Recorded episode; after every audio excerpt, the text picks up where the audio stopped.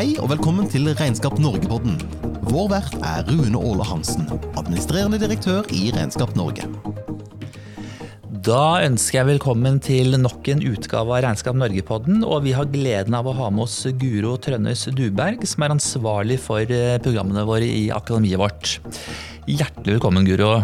Tusen takk for det, Rune. Vi skal snakke mye om kompetanseprogrammene, og rett og slett hvilke programmer er det Regnskap Norge tilbyr? Ja, vi eh, tilbyr jo da mm, sertifisering og eh, programmer innenfor eh, rådgiverfaget. Og lønn og HR, MVA-rådgiver og IT-rådgiver. Så det er en ganske god, god bredde der. Mm. Og, dette- mer kommer. Ja, ikke sant? Og dette har utviklet seg over tid. Hvorfor Mm. gjør vi dette? Hvorfor tilbyr vi disse, disse sertifiseringsprogrammene? Eh, Ja, det ligger jo litt i ordet. At vi, vi ønsker å gi medlemmene våre mulighet til å, til å ta et godt steg på veien. Da, til å bli spesialist. Og til å kunne fordype seg i et uh, faglig tema som er viktig både for dem selv og, og for kundene, ikke minst. Uh, og alle programmene er jo da lagt opp uh, med en, med en blanding av foredrag og gruppeoppgaver, erfaringsutvekslinger i plenum osv. Um, og enkelte av programmene er også lagt opp eh, til, med jobbing med personlig utviklingsplan og, og konkrete oppgaver i periodene mellom hver samling. Slik at eh, det er absolutt en, eh, en fordypning og en, og en spesialisering. Mm. Kan du si litt hvordan, hvordan er vi kommet fram til de programmene? Er det liksom tilfeldig at vi har funnet at nei, nå satser vi på skatt og MVA? Eller liksom, det, har vi sjekka markedet? Kan du si litt om det? Ja, ja, ja. Det, det har vi så absolutt gjort. Nå har jo vi vært, eh, levd som bransjeorganisasjon i ganske, ganske mange tiår. Eh, Vi har jo eh, medlemskontakt eh, på daglig basis. Så vi utvikler jo alle programmene med utgangspunkt i medlemmenes behov.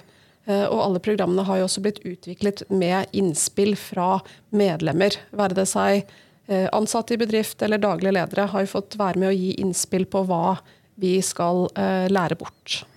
Så dere som hører på, det er dere som faktisk er ansvarlig for de, det tilbudet vi har av programmer. Så dere tar medansvar. Men du Guro, verdien av å sertifisere seg, spesialisere seg, hvorfor er det viktig? Hva er verdien for eh, håper den som gjør det, for virksomheten osv.? Kan du si litt om det? Ja, altså eh, Behovet for eh, spesialkompetanse det har jo definitivt økt i regnskapsbransjen. Um, det ser vi jo på generell basis. og det gjelder jo eh, For den enkelte medarbeider og bedrift så er det jo både dette her med reduksjon av risiko. ikke sant? Jo mer du vet, jo, jo mindre blir jo risikoen for å gjøre feil.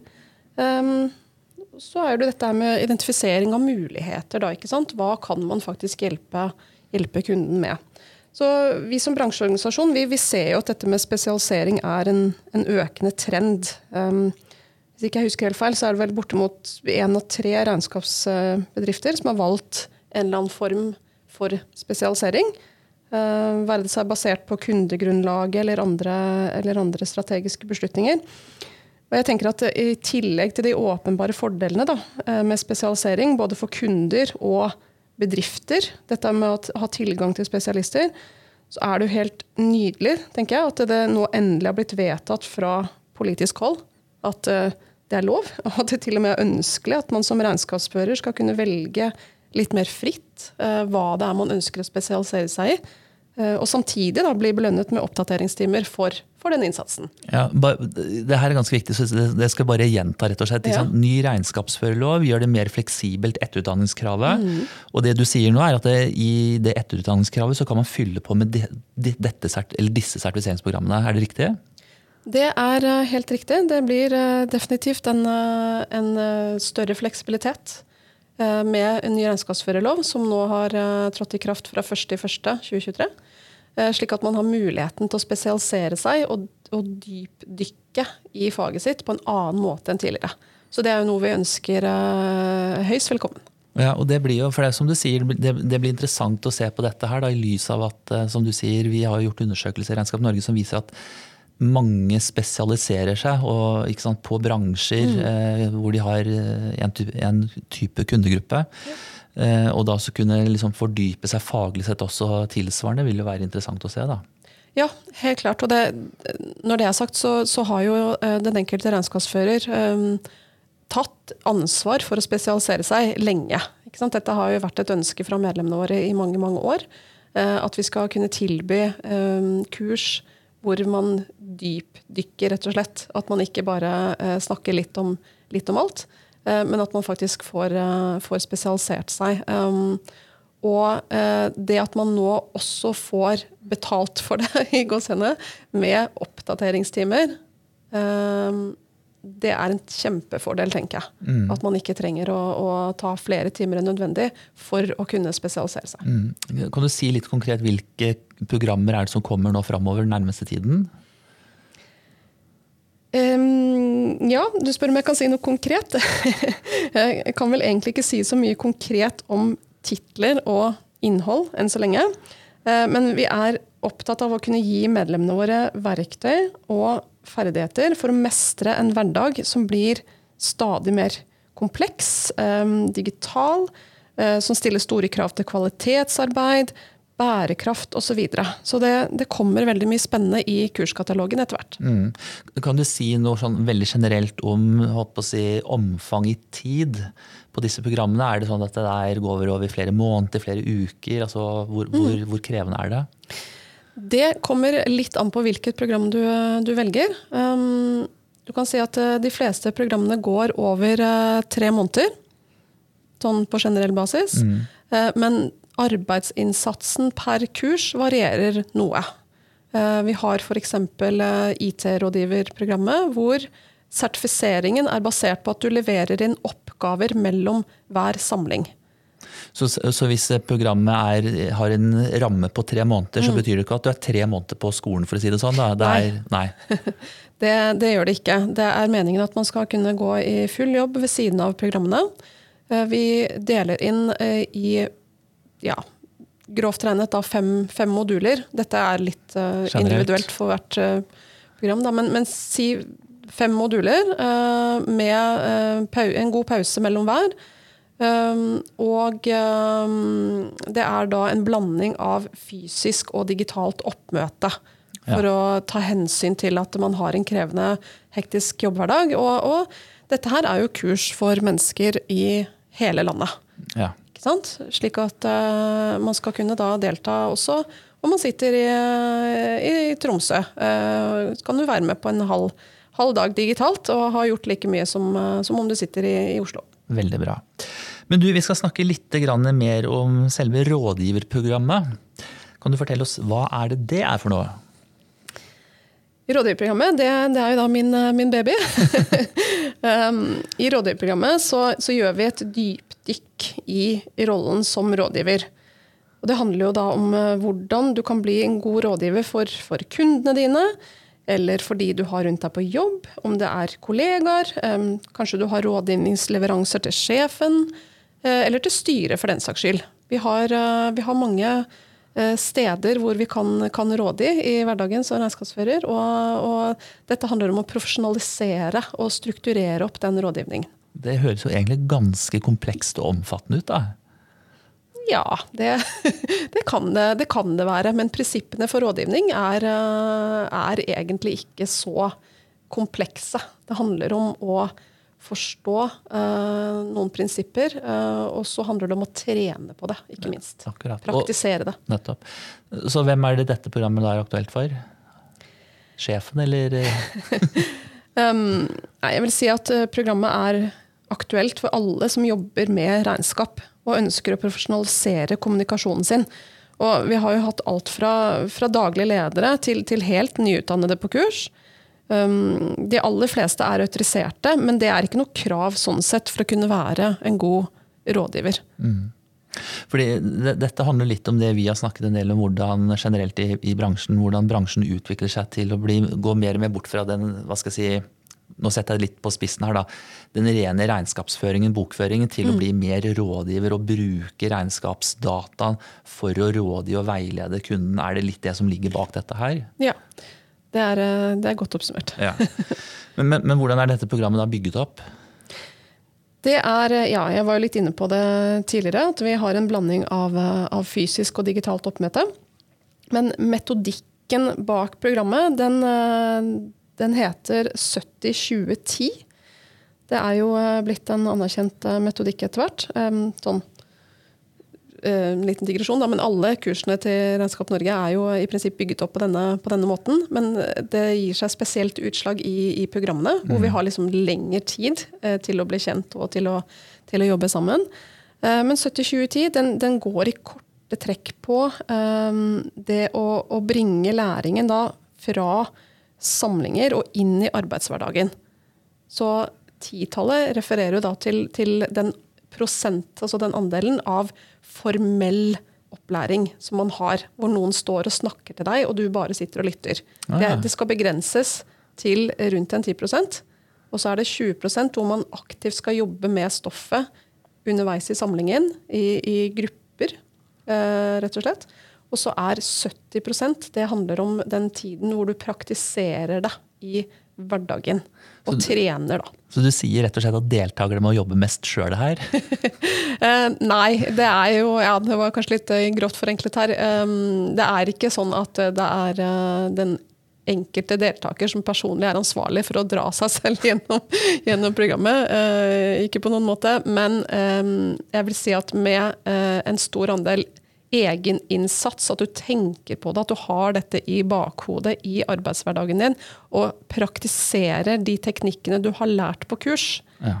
Dersom du gjør det, så vil du få et vesentlig større og raskere utbytte enn om du glemmer eh, stoffet mellom hver samling. Da. En form for litt sånn avansert hjemmelekse på et vis, nesten? da, kan man ja. si Det sånn? Ja, det kan du si. Og du blir jo satt i stand til å å gjøre dette når du er på, på kurs. Mm. Mm. Du var litt inne på det, men likevel la oss utdype litt mer. Hvor, hvorfor er dette programmet aktuelt for regnskapsførerne? Ja, det er jo mange, mange, grunner til det. Men du kan se at um, um, regnskapsførere driver veldig mye med rådgivning. Det, dette vet jo regnskapsførere, at de holder på med rådgivning på smått og stort i det daglige til kunden. Um, men ofte ofte så er det rådgivning hvor man ikke tar seg korrekt betalt. Det blir, Man svarer på spørsmål litt sånn i farten. Eh, det er ikke en setting hvor man har satt av tid til å bedrive rådgivning, slik at kunden kanskje ikke er klar over at det faktisk er det som blir gjort. Mm. Ikke sant? Kunden stiller et spørsmål, og så får man et svar som det egentlig er en, verdi, en høy verdi på. Det, der, det, du sier der, det er utrolig viktig. og Flere som har vært inne i studio i podkasten har snakket, vi har snakket mye om dette her, mm. med det å ta, ta, betalt, ta betalt den verdien av den tjenesten man leverer, men ikke minst det du, akkurat det du sier nå. Eh, du sitter og gjør et ordinær eh, regnskap, og så kommer det noen sånne spørsmål fra sidelinja, og så bare svarer du på det. Men mm. det du sier nå egentlig, er at vi skal, vi skal, bli flinkere til å sortere ut eh, den rene rådgivningen som en separat tjeneste. Mm.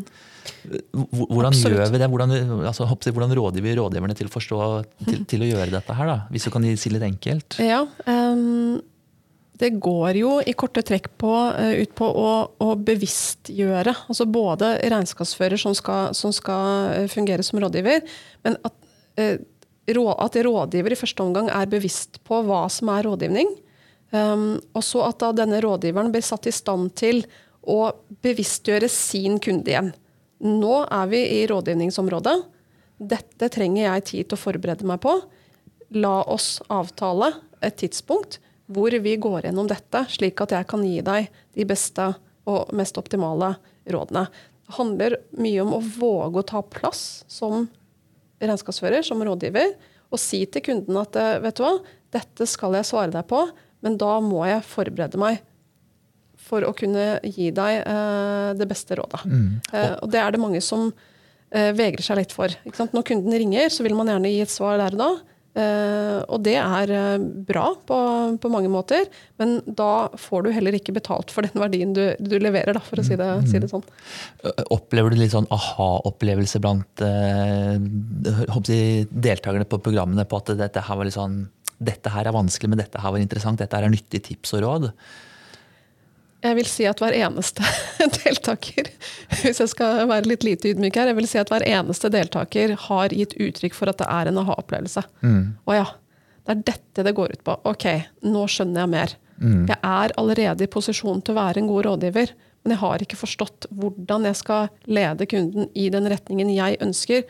Nå skjønner jeg det. Mm. Nå gleder jeg meg til å teste ut dette her. Mm. Det det har jeg vel hørt eh, omtrent hver eneste deltaker si faktisk, og gi uttrykk for. Og det er også en del av grunnen til at jeg elsker å jobbe med rådgiverprogrammet. Det er så mange gode tilbakemeldinger eh, spontant uh, underveis. Og folk kommer tilbake igjen med suksesshistorier hvor de har testet ut på kontoret, testet ut uh, på kunder da, disse nye teknikkene, og, og de rapporterer uh, gode ting tilbake. Så det er veldig givende. Det er, det er, veldig spennende. og så tenker jeg Dette henger også mye sammen med den trenden vi ser av utvikling i bransjen. Nettopp med etterspørsel etter det jeg kaller flere, mer avanserte tjenester. I og for seg mm. rådgivning. Mm. Eh, at man beveger seg lenger bort fra den, igjen, den klassiske bokføringen, og så blir det mer. og Da, da må man jo forstå, forstå rådgiverrollen. Mm. Og, og, det, og, det, er det vi er litt inne på nå, så kanskje vi skal liksom bore litt mer i hva, hva legger vi det med en sånn rådgiverrolle? Hva er en rådgiver? Ja, um, profesjonell rådgivning det, det, det, er jo en ferdighet som definitivt kan, kan læres. Enkelte blir, eh, kan du si, kanskje blir født eh, med en liten fordel. Eh, fordi at man er veldig glad i både å lytte og, og, snakke, ikke sant? i større grad enn andre. Men um, det er en ferdighet som kan læres og trenes på. Og jeg vil si at en rådgiver er en som behersker teknikker og ferdigheter innenfor lytting og problemløsning. Det er en som oppriktig bryr seg om kundens behov, Ehm, og som også evner å få kundens tillit, og dermed også da få gjennomslag for de forslag som de kommer med til kunden. Så det handler både om, om, den relasjonen man klarer å danne, den kommunikasjonen man har underveis, og den gjennomslagskraften man, man har da. Mm. Mm. Det høres ut som man må være litt sånn ekstrovert person. Må man det, eller? Nei, det, det, vil jeg absolutt ikke si at man trenger å, å være. Det er, jo, um, det er jo først og fremst altså Det er jo faget uh, som regnskapsfører. Den, den, den, faglige tyngden. Det er jo først og fremst det man bærer, som, som, er, danner grunnlaget for å være en god rådgiver mm. innenfor dette feltet. ikke sant? Økonomi og regnskapsføring. Um, og så lenge man har det på plass, så vil jeg si at du trenger absolutt ikke å være ekstrovert for å lære deg teknikker og for å kunne trene på de ferdighetene som trengs for å få gjennomslag. Mm. Det er absolutt ikke sånn at man skal være mest mulig ekstrovert og snakke mest mulig og nærmest overkjøre kunden. Jeg vil nesten gå så langt som å påstå at da er du en ganske dårlig rådgiver dersom det er sånn du opererer. Ja. Men er det noen sånn spesiell kompetanse som er viktig i denne sammenhengen? Altså sånn eh, eh, altså for, for, å ta rådgiverrollen, er det noen spesiell kompetanse som trengs, eller, eller, eller kan på en måte enhver regnskapsfører bli, bli, en god rådgiver, etter din mening? Ja, det, det, korte svaret på det siste spørsmålet ditt er ja. Eh, jeg vil si at eh, det viktigste utgangspunktet um, for, for, å kunne ta rådgiverrollen, det er at man må ha en oppriktig interesse for kunden sin. Så man må, man må være interessert i å prate med kunden for å avdekke reelle behov som kunden har. Og så må man være interessert i å hjelpe kunden på en måte som er lønnsom både for kunden og for regnskapsbedriften. Så hvis, skal, hvis jeg skal summere opp den kompetansen som man trenger, så, så koker det vel egentlig ned til at man, man må selvfølgelig kunne noe om økonomi, som tidligere nevnt. Man må kunne noe om økonomi som kunden ikke nødvendigvis kan. Og så må man vite hvordan man skal formidle den kunnskapen til kunden på en sånn måte at kunden får lyst til å samarbeide og, og foreta eventuelle nødvendige endringer som er gunstige for begge parter. Mm. Ja. Og når du da sier formidle, da er vi litt over på kommunikasjon. Er det, mm. er det noen sånn spesiell eh, måte å kommunisere på i denne sammenhengen her? um, ja, eh, det, det, er jo det. Um, men um, hva skal jeg si? Uh, man, man, det er jo ikke noen fasit på det. Altså, kunder, kunder er jo som folk flest. Altså, man har ulike reaksjonsmønstre, man har ulike måter å respondere på, og man er opptatt av forskjellige ting. Sånn at det er ikke sånn at det er én type kommunikasjon som er korrekt å ha. Um, for så er jo noen kunder veldig opptatt av, av resultat og profitt. Uh, andre kunder er jo mer opptatt av å kunne tilby de ansatte en trygg arbeidsplass. Andre igjen er veldig fokusert på f.eks. produkter, kvalitet i prosesser. Så naturlig nok da, så er man som regnskapsfører veldig altså Man er helt nødt til å tilpasse kommunikasjon og legge vekt på ulike budskap for å få gjennomslag hos de ulike kundene. Det handler kanskje litt også om det, liksom, dette gode forholdet til kunden, relasjonen til kunden, eh, i denne sammenhengen her. Og da snakker vi litt sånn fint ord relasjonskompetanse. Uh, hva tenker du om det? Hvordan, hva skal vi si om det i denne sammenhengen? Jo, relasjonskompetanse er jo, eh, er jo alfa og omega, egentlig. Det er jo kjernen i, i det vi, vi snakker om, ikke sant? I, i rådgiverprogrammet. Eh, Og det er mange begreper der ute som beskriver litt rundt det samme temaet. Vi snakker om sosial kompetanse, relasjonskompetanse, samhandlingskompetanse osv. Men eh, i bunn og grunn så er det jo eh, snakk om ferdigheter og evner og holdninger som etablerer og, og utvikler og vedlikeholder over tid da, relasjoner mellom mennesker. Sant? Så relasjonskompetanse det har man jo bruk for i alle aspekter av livet. Um, men uh, når det gjelder dette med å, å håndtere kunder, så er det jo ekstremt viktig. Fordi som sagt, uh, kundene er jo din kunde fordi at du har en faglig bakgrunn som de ikke har. Og så viser det seg jo, uh, dette er kanskje ikke så veldig overraskende, men det viser seg jo at de kunder som er mest fornøyde, de er fornøyde med regnskapsfører ikke pga. det faglige nivået, for det er ikke de, de har ikke noen forutsetning for å bedømme, men de er mest fornøyde når de har en god kommunikasjon med regnskapsføreren sin. Når regnskapsfører tar initiativ til samtale, når regnskapsfører forteller hva som skal skje, og hvorfor det skal skje, og hva som eventuelt øh, er konsekvenser hvis det ikke blir foretatt. Ikke sant? At man hele tiden holdes i loopen, da, for å si det sånn, um, på, på hvorfor regnskapsfører foretar seg ting, og hva slags forventninger man har til kunden. Og, og, og dette her, altså relasjonskompetanse, måte å kommunisere på, det er ting som man går inn i og berører i, i, eh, i sertifiseringsprogrammet, i rådgiverprogrammet. Ja, det, jeg vil si at det er kjernen av det vi jobber med. Ja. Så det handler mye om bevisstgjøring for, eh, for deltakerne. Bevisstgjøring. Um, dette med å um, forventningsstyre, da, lære å, å styre kundens forventninger. Det er ekstremt, da, ekstremt viktig, og det er, uh, det er noe vi prater uh, mye om. Um, og også dette med å uh, Hvordan skal du komme deg i posisjon til å få lov til å rådgi kunden i en hektisk hverdag? Lurer- Du, du sa i stad at det er mange som gir god, god tilbakemelding og får aha-opplevelse, det er jo kjempefint. Men jeg lurer på underveis også, deler de litt sånn erfaringer på at dette funka ikke, eller dette var vanskelig, eller dette var altså, Jeg har noen eksempler du kan, eh, som du kommer på i farten? Um, jeg kan For å ta det første, første først. Altså, ja, vi, eh, vi har veldig mye erfaringsdeling, utveksling. Fordi at det, er en stor del av, eh, av grunnen til å gå på et sånt dybdekurs. Du møter mennesker som er i samme situasjon som deg selv, som står i de samme utfordringer, som kanskje har lært seg å løse det på måter som du ikke selv har tenkt på. Så vi legger opp til, vi lager rom og tid da, for erfaringsutveksling i hver eneste samling vi har. Og det er litt viktig, ikke at du kun blir fortalt av instruktørene at dette var bra, eller dette kunne du gjort annerledes, men at du får innspill fra andre som er i nøyaktig samme situasjon som deg selv. Så har du kanskje, Vi har jo en god miks, som jeg nevnte tidligere, av eh, erfaring da, på disse, på disse mm, eh, kursene. Eh, det er ofte veldig eh, interessant å få innspill fra noen som har vært i gamet et par tiår lenger enn deg selv. Eller vice versa, at du har vært regnskapsfører i 40 år, og så kommer det en nyutdannet Jypling? eh, som plutselig har noen betraktninger og noen innspill som du overhodet ikke har tenkt på tidligere.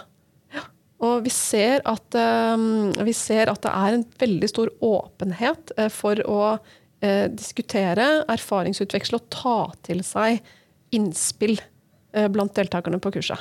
Det er, eh, om det er en tilfeldighet at det har vært så åpne mennesker som har kommet, eller om det er eh, et resultat av den, eh, hva skal jeg si, den grunnen vi har beredt, det, det, vet ikke jeg. Det er selvfølgelig det siste. Det er ikke noe å lure på.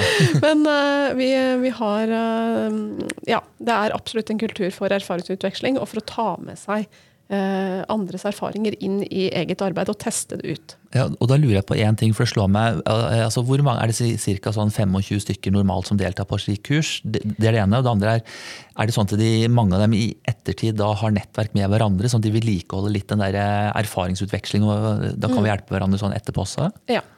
Vi har jo en portal som brukes underveis, hvor man, kan da, hvor man knytter kontakt og snakker sammen underveis i programmet. Den portalen er åpen litt i etterkant, og så oppfordrer vi alle til å knytte kontakt og bruke hverandre etter at Regnskap Norge har på en måte avsluttet, avsluttet sitt program. Og det opplever jeg at mange gjør.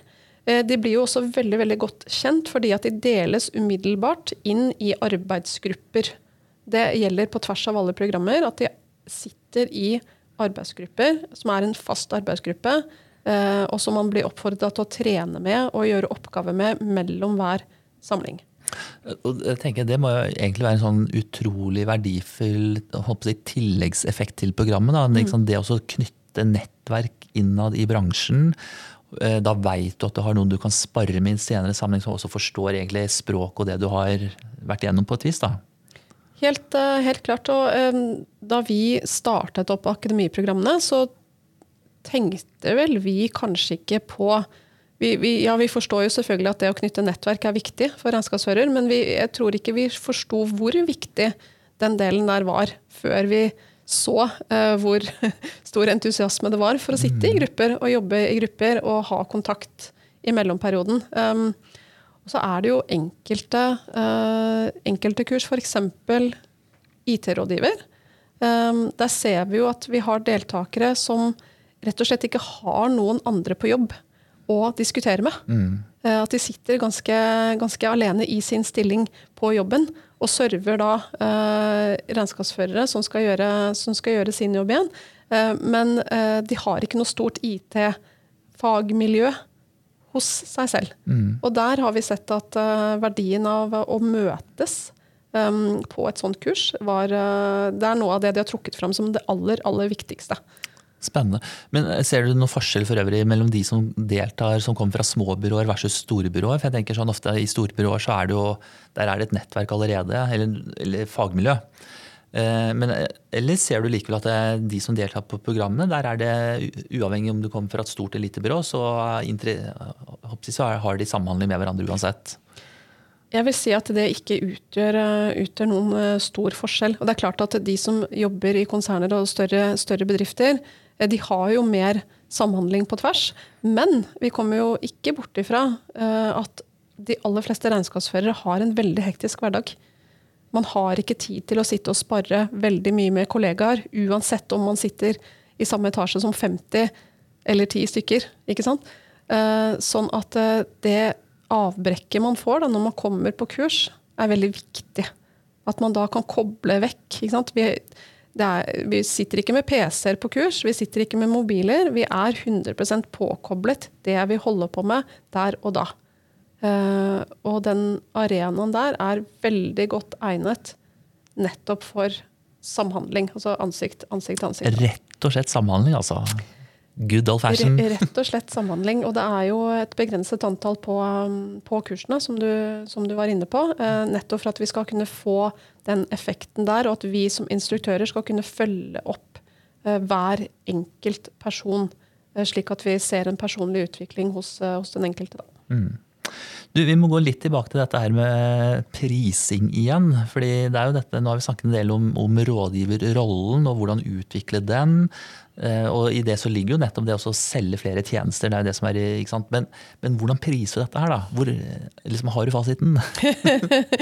um, ja, det, det, er jo tusen Du sa ja, så nå er jeg spent.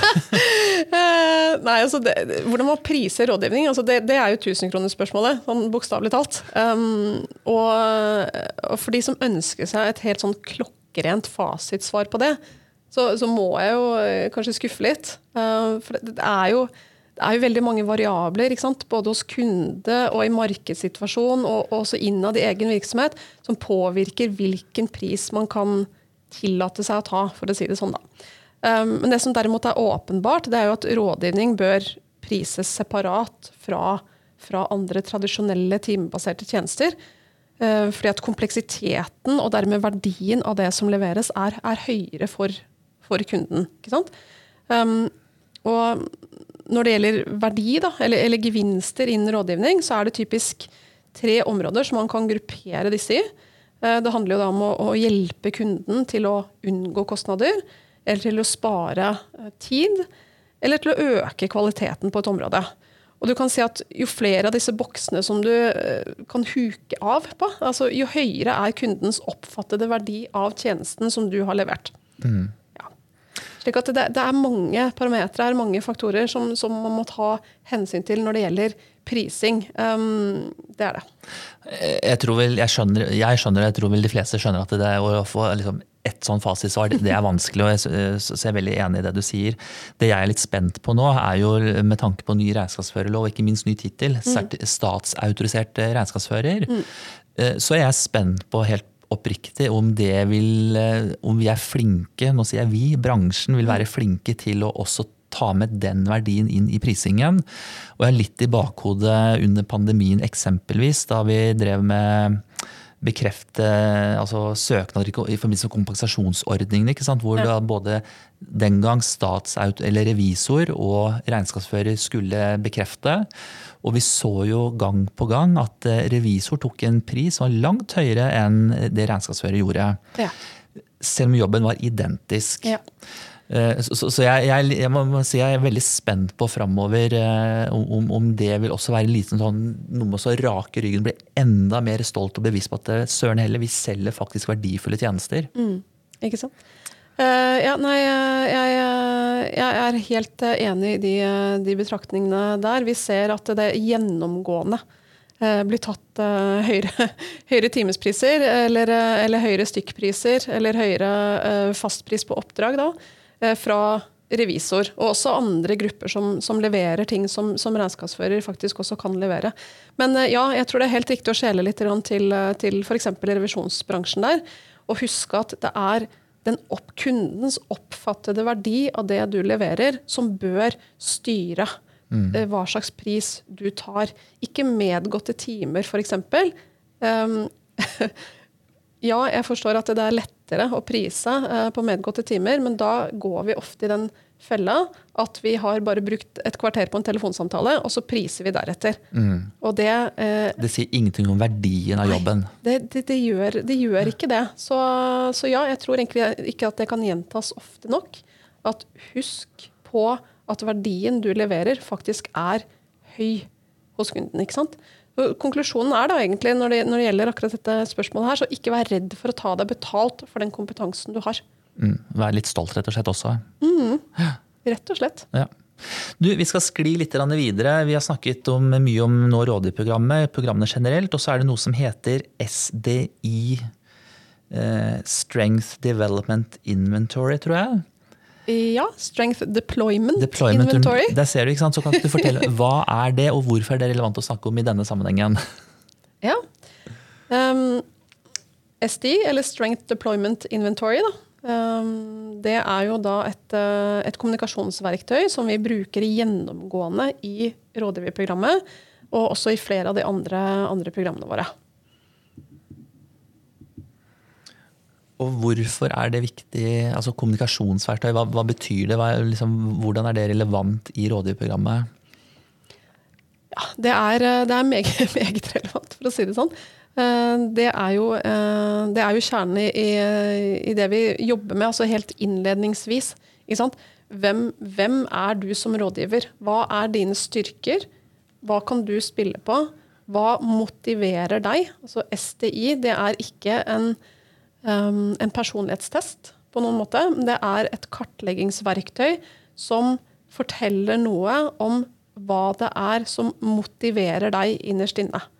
Ok, Så du, man kartlegger kommunikasjonskompetansen eller noe sånt da, til rådgiveren? Ikke nødvendigvis kommunikasjonskompetansen, men um, hva det er som motiverer deg. Det deles så uh, inn da grovt i tre deler. Eh, de aller, aller fleste mennesker eh, Og vi snakker ikke nå om atferd, for atferd og motivasjon er to forskjellige ting. Uh, Atferd, det er jo det du ser andre gjøre. Det du kan beskrive, det du kan høre. ikke sant? Det er atferd.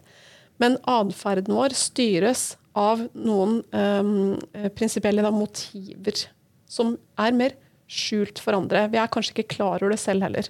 Men de tre hovedmotivene som styrer vår atferd, og hva vi er interessert i og opptatt av, uh, det er da um, enten kategorien mennesker og relasjoner. Så enkelte er veldig opptatt av det.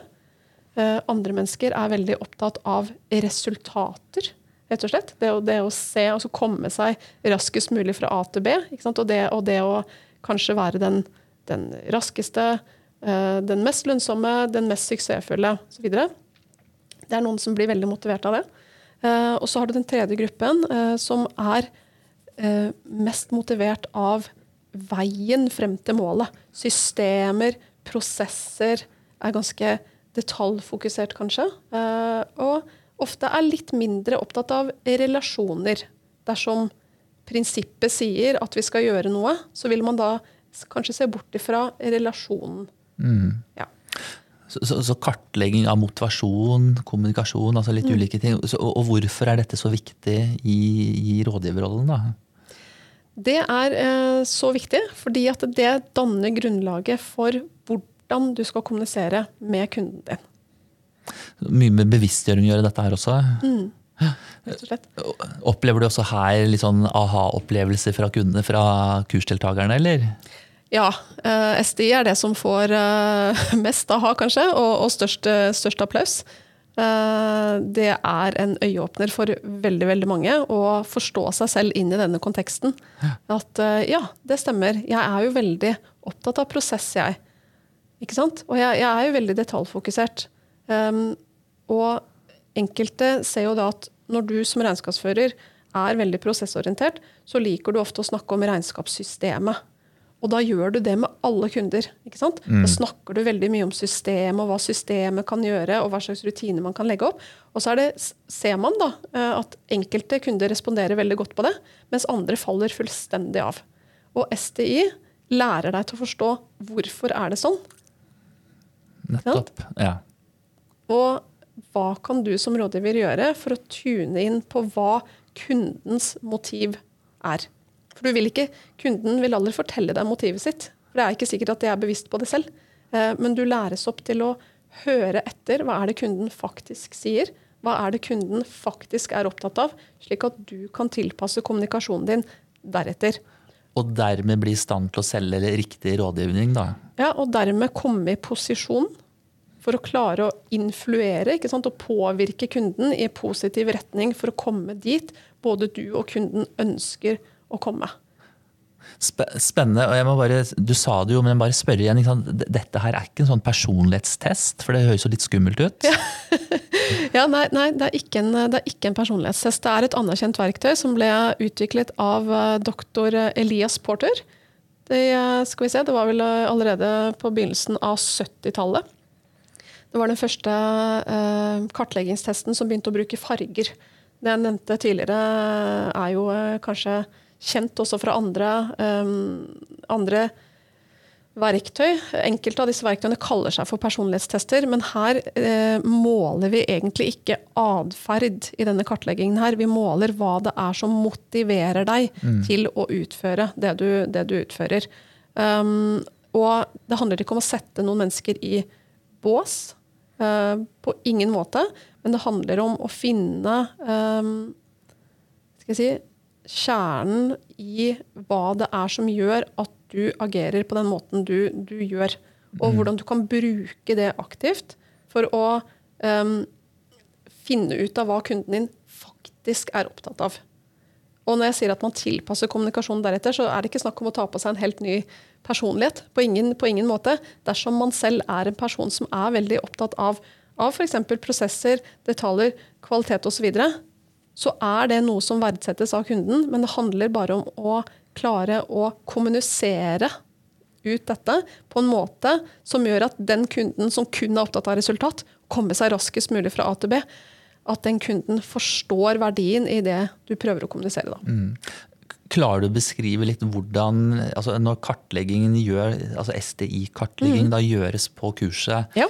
Eh, hvordan, bruker man den kartleggingen da, i, liksom, i, den derre 70-20-10 Ja, ikke sant.